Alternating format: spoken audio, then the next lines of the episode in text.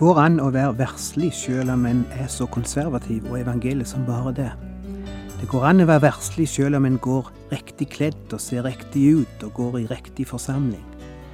Verslig er når en blir påvirka av tanker som ikke er Guds tanker, og en lar seg prege av det flertall tenker, og blir mer opptatt av å beskytte seg sjøl og sin velstand enn av å beskytte det Gud har skapt i sitt bilde.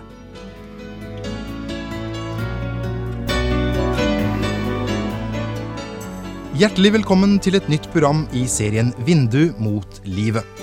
Vindu mot livet er basert på programserien Insight for Living ved Chuck Svindal.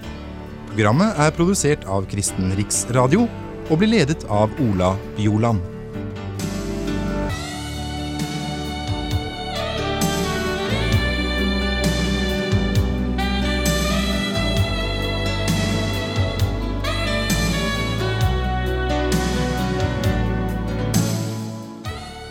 Vi begynner med å lese vers 14-17 i Hebreerne 12.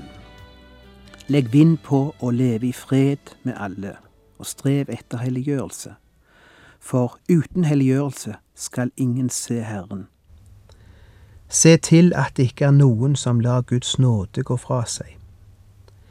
La ingen bitter rot få vokse opp og volde skade, så mange blir smittet av den. Se til at ikke noen driver hor og lever ugudelig som Esau, han som solgte sin første fødselsrett for et måltid mat.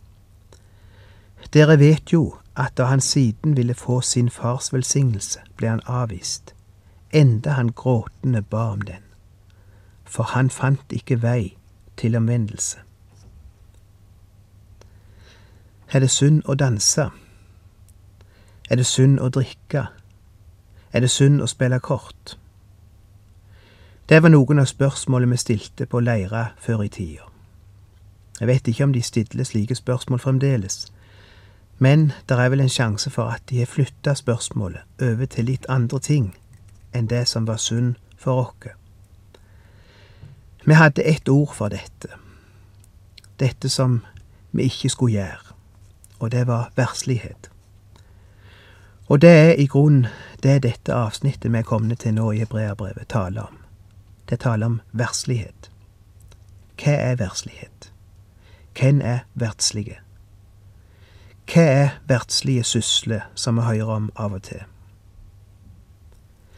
I vår tid var det kortspill, blant annet. Rettere sagt spille med feil kort. For vi kunne godt spille Gnav og Amerikaneren og Kråke og slikt, bare vi brukte de rette korta. Og emissærene samla seg ofte i heimen vår for å spille kråke, som det heter og det var liv og stemning i huset som du ikke kan forestille deg. Kråkekveld kalte de det. Et høydepunkt for trøtte emissærer. Og de holdt mange ganger på til langt på natta når de hadde sin frikveld. Bedehuspoker var det noen spøkefugler som kalte det. Misjonærbridge kaller amerikanerne det for. Det er det kortspillet som er tillatt for truende. Men når mor en gang fant en korsstokk i huset, som minstebroren min i sin uvitenhet hadde tatt med seg hjem, en slik en med ruter og kløver, så kasta hun den i ogen og brant den opp, med formaning om at hun aldri ville sjå en slik korsstokk i hennes hus. Og minstebroren min kunne ikke riktig forstå hva som var så mye mer syndig med de korta enn med de mor og far sjøl spilte med. Det var jo verken nakne damer eller alkoholreklame på de. Bare noen firkanter og noen hjerter. Og hvis du titta inn i mor sin heim en dag, og, kom, og kjem litt overraskende, så vil du kanskje finne henne siggende ved salongbordet og legge kabal. Med syndige kort. Med kløver og ruter og alt. Slike kort som hun for 20 år siden sa at hun aldri ville sjå i hennes hus. Ja, tidene forandrer seg. Så var det strikking på søndag, eller fisking på søndag, eller kino. Er det synd å gå på kino, spurte vi. Ja, fikk vi det svar. Kristne har ingenting på kino å gjøre. Det er verslige sysler. Lysbildet var ok, men hvis bildene begynte å bevege seg, var det verslig. I dag er problemstillingen en litt annen. For i dag har kinoen flytta inn i heimene. I dag blir ikke spørsmålet kino eller ikke kino, men det blir et spørsmål om å velge hva en bør se, og hva en ikke bør se, av det som kommer inn i heimen gjennom fjernsyn eller video. Og så var det dans, det vil si bevegelse. Gymnastikk var ok, massevis av bevegelse, rytmisk bevegelse. En, to, tre, fire, ropte eller sang gymnastikklæreren i en fast rytme, mens vi bøgde oss til venstre og høyre, eller danste med føttene framover og bakover og til sidene.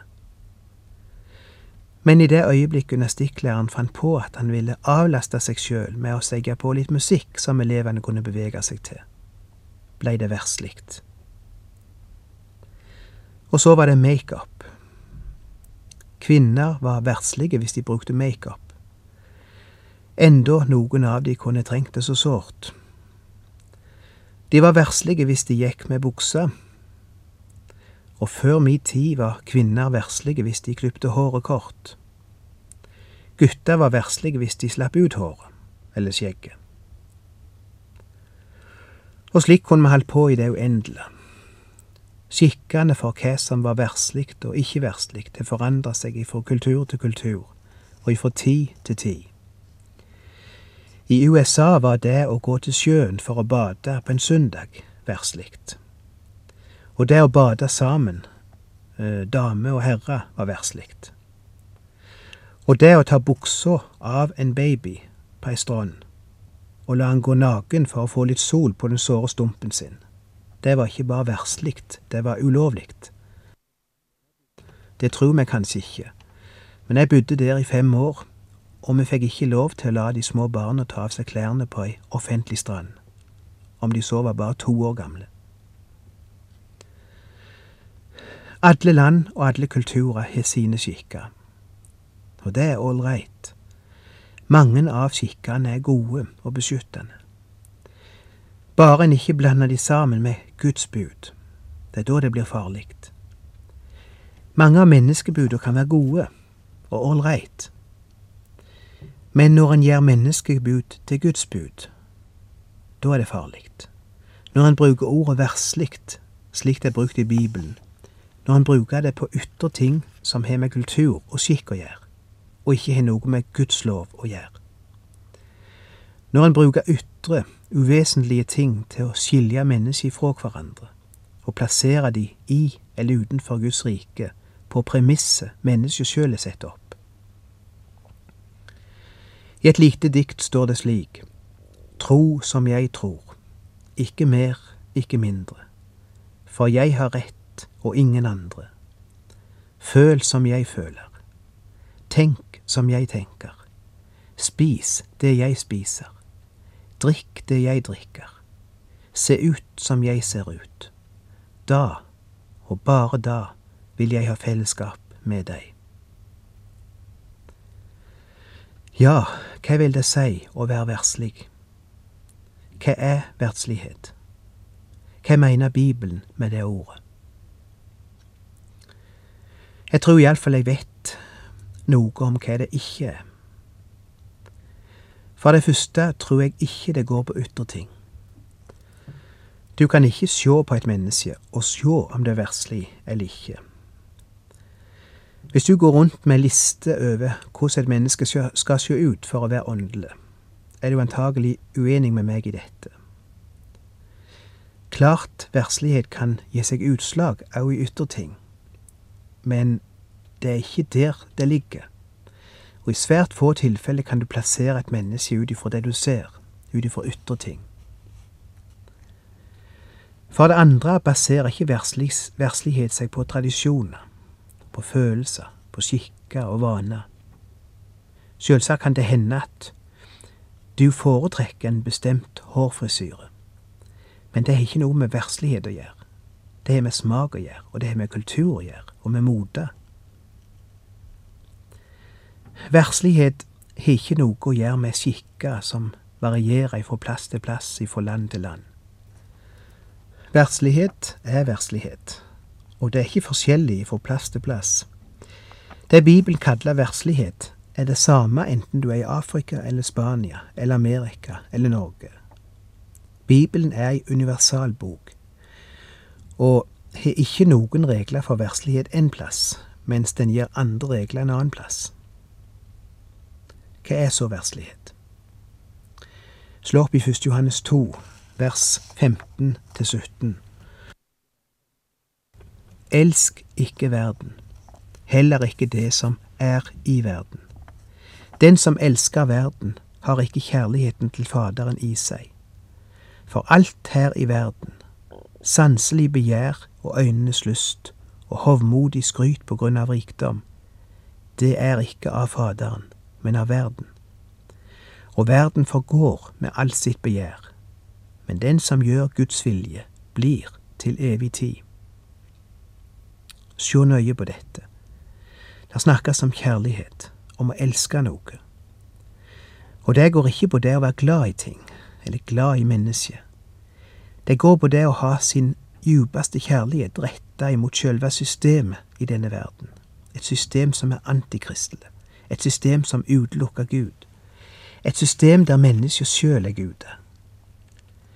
Det dreier seg om et system av stolthet, av egoisme, av nytelse. Og Guds ord sier at dette system er på vei ut. Det skal gå til grunne. Det skal erstattes med et nytt. Og de mennesker som er bundet til dette systemet, som er en del av det, som har sitt hjerte i det, de er verslige, sier Bibelen. Verslighet er et system som ikke regner med Kristus som Herre, og det gir seg utslag i at mennesket setter seg sjøl opp som Herre. La oss se på kapittel fem her i det samme brevet, 1. Johannes, vers 19. Vi vet at vi er av Gud, og at hele verden ligger i det onde.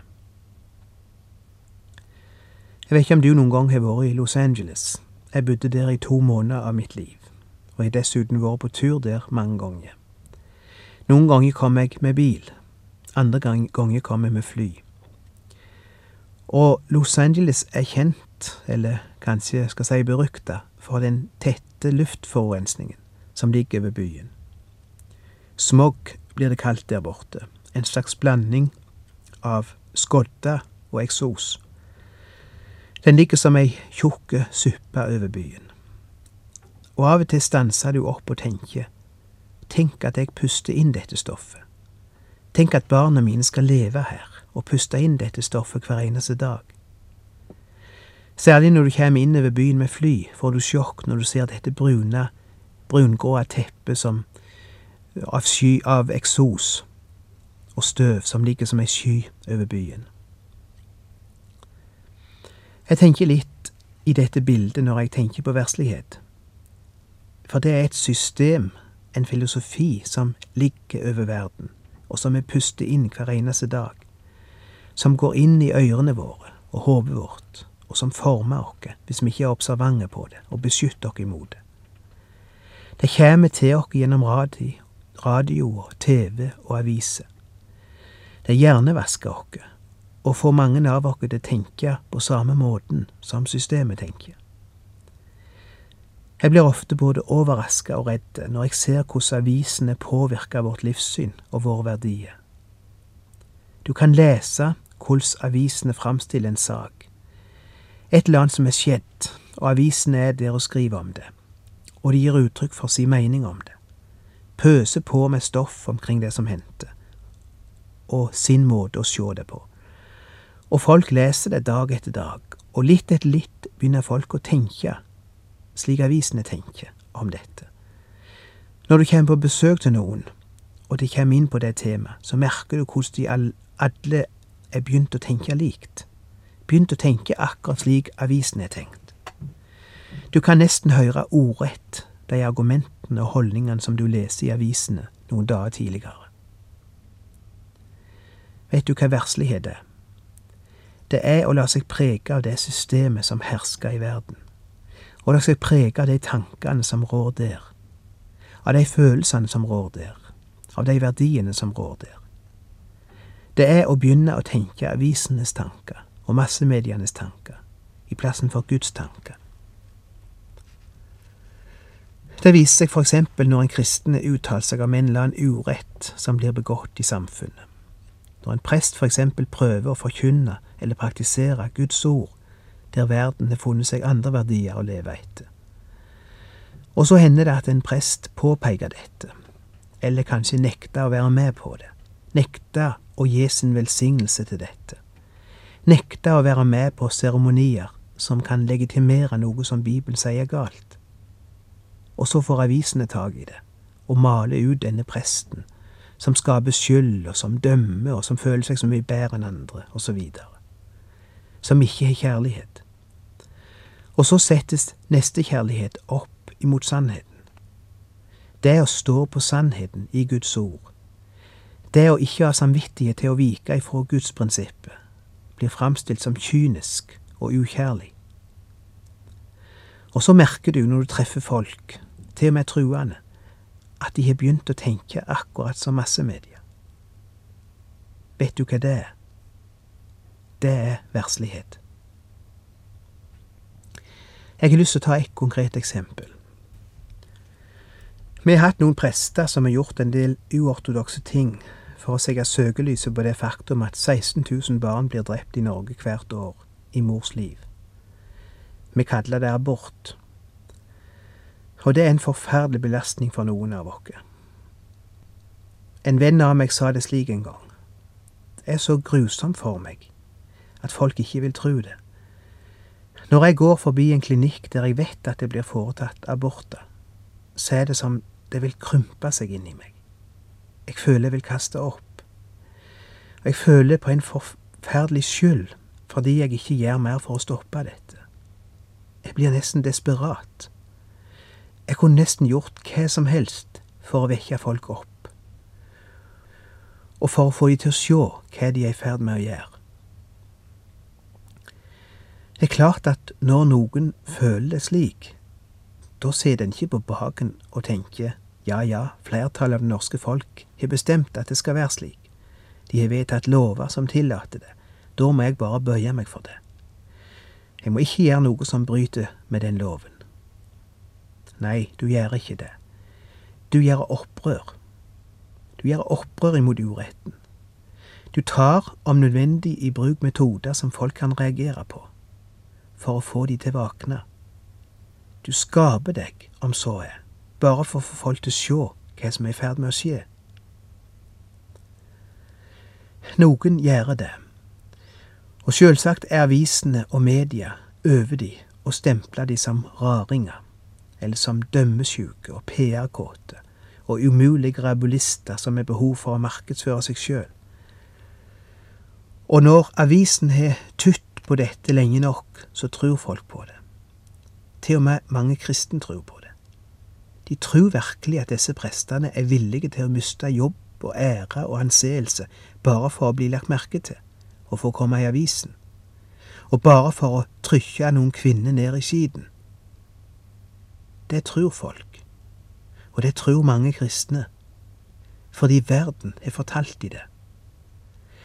En verden som ikke er plass for Gud. En verden som vil velge seg sine egne regler og sine egne bud. En verden som ikke vil høre sannheten. Som ikke vil tillate at det blir vist film om hva som virkelig foregår inni mora sin mage ved en abort. De vil ikke se det. De vil ikke høre om det. De nekta det å bli vist på skole. De nekta det å bli vist i konfirmantgruppe. Og så sies det, vi må ikke snakke om dette, for vi skaper skyld hos kvinner som er tatt abort. Det er ikke sant, for skylden, den er der. Sannheten skaper ikke skyld. Sannheten forløser skyld. Sannheten setter ord på ting som ligger der som en sykdom. Jeg får massevis av brev som forteller om skyld som lå der i årevis, inntil disse menneskene fikk hjelp til å sette ord på det som skjedde, og fikk komme fram med det og legge det bak seg. Eller rettere sagt, legge det av seg.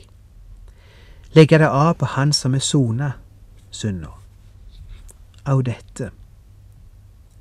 Mener du virkelig at det fins tilgivelse òg for dette, spurte ei kvinne meg i et brev. Hun hadde tatt abort for bare fem dager siden. Ja, òg dette. Den eneste måten å bli kvitt skyld på, er å komme til Han som er sona synd, og vil tilgi. Dette er bare ett av mange områder der sannhet blir gjort til løgn, og løgn til sannhet. Ting blir snudd på hodet. Du kjenner det ikke igjen når du leser om det i avisene. Det er slik dette systemet er. Dette systemet som styrer en gudløs verden. Og hvis vi ikke beskytter oss mot dette, og henter våre tanker fra andre kilder, så blir vi prega av denne verden. Og det er det som er verslighet. Det er ingenting å gjøre med hva slags hårsveis du har, eller om du liker trekkspillmusikk, eller om du liker fotballkamper. Det dreier seg om mye dypere ting og mye mer alvorlige ting. Det er meninger, følelser, verdier, håp, impulser som dominerer i verden, og som går på tvers av de verdiene du finner i Bibelen. Det er et system som prøver å trenge seg inn i hodet ditt, som prøver å fange deg, prøver å få deg til å tenke likt. Det er derfor Bibelen formaner oss stadig om å ikke skikke oss lik med denne verden. Dreier seg verken om klesstil eller hårstil eller hobbyer. Det dreier seg om verdier, om å tenke Guds tanker i plassen for verdens tanker, om å våge å trosse flertall og filosofier og former. Det går an å være verslig sjøl om en er så konservativ og evangelisk som bare det. Det går an å være verslig sjøl om en går riktig kledd og ser riktig ut og går i riktig forsamling. Verslig er når en blir påvirka av tanker som ikke er Guds tanker. Når en lar seg prege av det flertallet tenker, og blir mer opptatt av å beskytte seg sjøl og sin velstand enn av å beskytte det Gud har skapt i sitt bilde. Og dette skal vi komme mer tilbake til neste gang.